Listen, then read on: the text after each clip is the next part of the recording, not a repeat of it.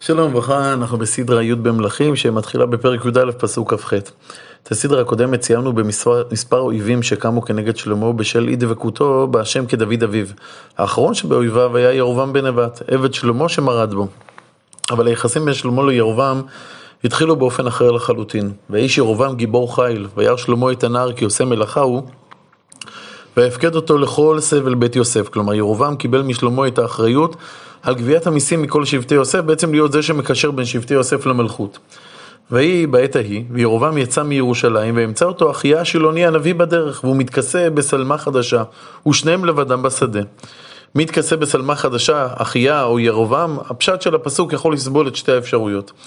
ויתפוס אחיה בשלמה החדשה אשר עליו, ויקראיה שניהם עשר קרעים. ויאמר לי ירובעם, קח לך עשרה קרעים, כי כה אמר אדוני אלוהי ישראל, הנני קורע את הממלכה מיד שלמה, ונתתי לך את עשרת עשרה השבטים.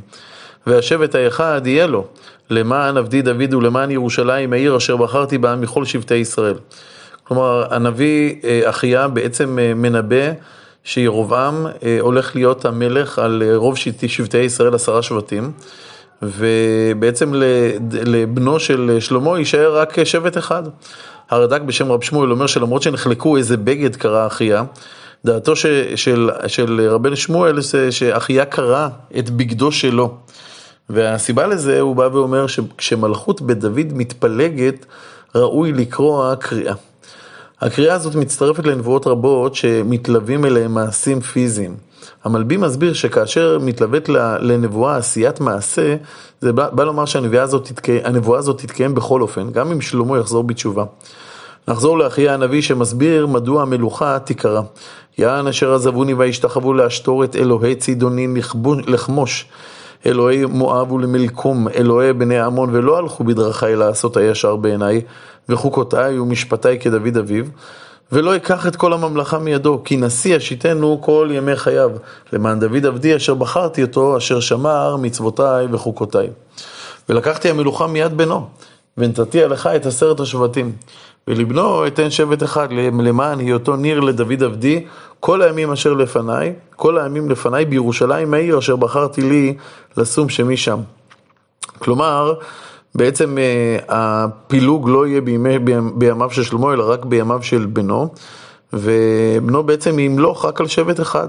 מי זה השבט הזה? לכאורה שבט יהודה. חז"ל אומרים, ונראה את זה גם בהמשך, שבעצם בנימין, או לפחות חלק מבנימין, אה, הצטרף ליהודה, הרי בנימין ויהודה הם אלה ש...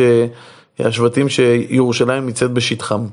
וקטע חיי הנביא פונה לירובעם, ואותך אקח ומלכת בכל אשר תאווה נפשך, והיית מלך על ישראל, והיה אם תשמע את כל אשר, את כל אשר אצווך, והלכת בדרכי, ועשית ישר בעיניי לשמוע מחוקותיי ומצוותיי, כאשר עשה דוד עבדי, והייתי עמך, ובניתי לך בית נאמן כאשר בניתי לדוד, ונתתי לך את ישראל.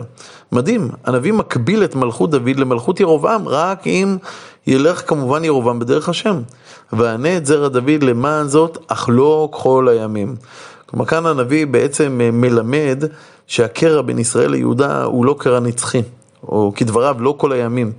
כנבואת הנביא יחזקאל שלעתיד לבוא יחזרו ויצטרפו עץ אפרים לעץ יהודה והיו לאחדים בידי. הכתוב לא מלמד אותנו דבר על אישיותו של ירובעם, מדוע הוא נבחר. אבל חז"ל בגמרא בסנהדרין מתארים את המפגש שבין אחיה לירובעם כמפגש בין ענקי עולם שחידשו דברי תורה שלא שמעתם אוזן מעולם.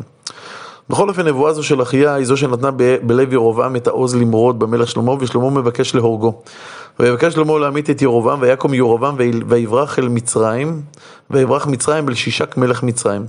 ויהי במצרים אדמות שלמה. כמובן, כנראה שהמלך שה, הזה הוא לא אביה של אשת אה, שלמה, של אה, בת אה, פרעה, אלא כנראה זה מלך שמלך אחריו, מלך אחר. ויתר דברי שלמה וכל אשר עשה וחוכמתו עליהם כתובים על הספר דברי שלמה. והימים אשר מלך שלמה בירושלים על כל ישראל, ארבעים שנה. וישכב שלמה עם אבותיו, ויקבר בעיר דוד אביו, וימלוך רחבעם בנו תחתיו. שלמה מת, בניגוד לטירוף שהיה סביב מי יחליף את דוד, אצל שלמה ברור לחלוטין, רחבעם יחליף אותו.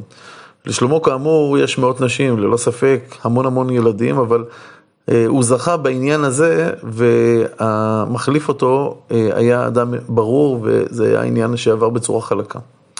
רחבעם אם כן היה מלך מעצם היותו בן, בן של מלך, והוא הולך עכשיו לשכם כדי שישראל ימליכו אותו עליהם. וילך רחבעם שכם, כי שכם בא כל ישראל להמליך אותו. למה הוא הולך לשכם? למה הוא בכלל צריך המלאכה? כנראה ששבטי ישראל רצו להציב תנאים למלכות רחבעם, כמו שנראה בהמשך, הם רצו שזה יהיה במגרש הביתי שלהם, כאשר רחבעם מתארח בנחלתם. אמנם רחבעם הוא המלך, אבל אולי השמועות על הנבואה שירובעם קיבל התגלגלו בחללו של עולם, ושבטי ישראל רצו להיות בטוחים בהחלטתם. ויהי כשמו ירובעם בן נבט, והוא עודנו במצרים, אשר ברח מפני המלך שלמה, וישב ירובעם במצרים, וישלחו, ויקראו לו, ויבוא ירובעם וכל קהל ישראל, וידברו אל רחבעם לאמור. אז כולם מצטרפים לאותו טקס של uh, המפגש עם רחבעם, ויש להם דרישות. אביך הקשה את עולנו, ואתה אתה הקל מעבודת אביך הקשה ומעולו הכבד אשר נתן עלינו ונעבדך. שלמה היה באמת מלך אדיר ונפלא, אבל לא היה פשוט לחיות בעול המיסים כמו המיסים ששלמה הטיל. הם ביקשו שרחבעם ישנה מהנהגת אביו ויקל עליהם. ואומר עליהם, לכו עוד שלושה ימים ושובו אליי וילכו, תנו לי שלושה ימים לישון על זה.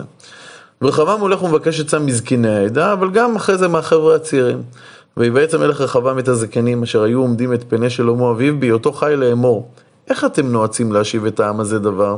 כלומר, מה כדאי לומר להם? וידברו אליו לאמור, אם היום תהיה עבד לעם הזה, ועבדתם ועניתם ודיברת אליהם דברים טובים, והיו לך עבדים כל הימים.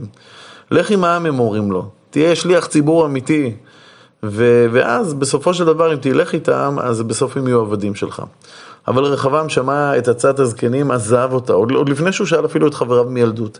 ויעזוב את עצת הזקנים אשר יעצו, ויבעץ את הילדים אשר גדלו איתו, אשר העומדים לפניו. ויאמר לב, מה אתם נועצים ונשיב דבר את העם הזה אשר דיברו אליי לאמור, הקהל מן העול אשר נתן אביך עלינו? מה, מה, מה לדעתכם כדאי לומר? כך הוא שואל את החבר'ה הצעירים שאיתו. וידברו אליו הילדים אשר גדלו איתו לאמור, כה תאמר לעם הזה אשר דיברו אליך לאמור, אביך הכביד את עולנו ואתה הקל מעלינו. זה מה שהם אומרים לך, אומרים הצעירים. אז בוא נגיד לך מה כדאי לומר להם בתשובה. כה תדבר עליהם, קוטני אבה ממתני אבי. תגיד להם קודם כל, אני יותר גדול מאבא שלי. ואתה אבי העמיס עליכם עול כבד, אני אוסיף עלו לכם. אבי ייסר אתכם בשוטים, אני אעשר אתכם בעקרבים. אני אתן לכם עבודה הרבה יותר כבדה מאבי. ויבוא ירובעם וכל העם אל רחבעם ביום השלישי, כאשר דיבר המלך לאמור, שובו אליי ביום השלישי. אז כולם מצטרפים ביום השלישי, מתקבצים לראות מה תהיה התשובה. ויען המלך את העם קשה, ויעזוב את עצת הזקנים אשר יעצו, וידבר עליהם כעצת הילדים לאמור, אבי הכביד את עולכם ואני אוסיף על עולכם. אבי ייסר אתכם בשוטים ואני אעשר אתכם בעקרבים. ולא שמע המלך אל העם, כי הייתה הסיבה מעם אדוני, למענקים את דברו אשר דיבר אדוני ביד אחיה השילוני אל ירובעם בן נבט. הבחירה של רחבעם בדברי הילדים הייתה טיפשית, לא הגיונית. אבל השם הוביל את רחבעם אליה על מנת לקיים את נבואת אחיה. והיה כל ישראל כי לא שמע המלך עליהם, וישיבו עם את המלך דבר לאמור, מה לנו חלק בדוד, ולא נחלה בבן ישי, לא עליך ישראל. ואתה ראה ביתך דוד ואלך ישראל לא עליו. כלומר, בעצם הם עוזבים אותו, אומרים לא רוצים לשמוע ממך יותר, עזוב אותנו.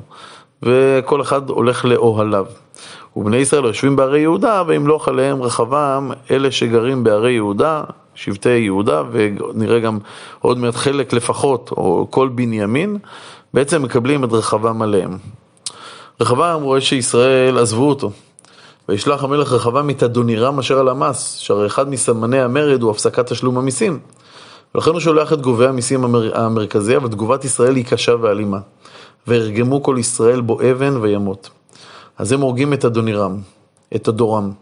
אחרי שהם הורגים את אדורם, רחבעם מבין שזה כבר לא סיפור פשוט, והוא מחליט לברוח. והמלך רחבעם מתאמץ לעלות במרכבה ולנוס ירושלים. עכשיו יש פה משהו מטורף, רחבעם רואה שכובד המיסים גורם לכך שישראל מואסים בו, אבל הוא מחליט לגבות מיסים בכוח, להראות להם מי המלך. והמרד פורץ.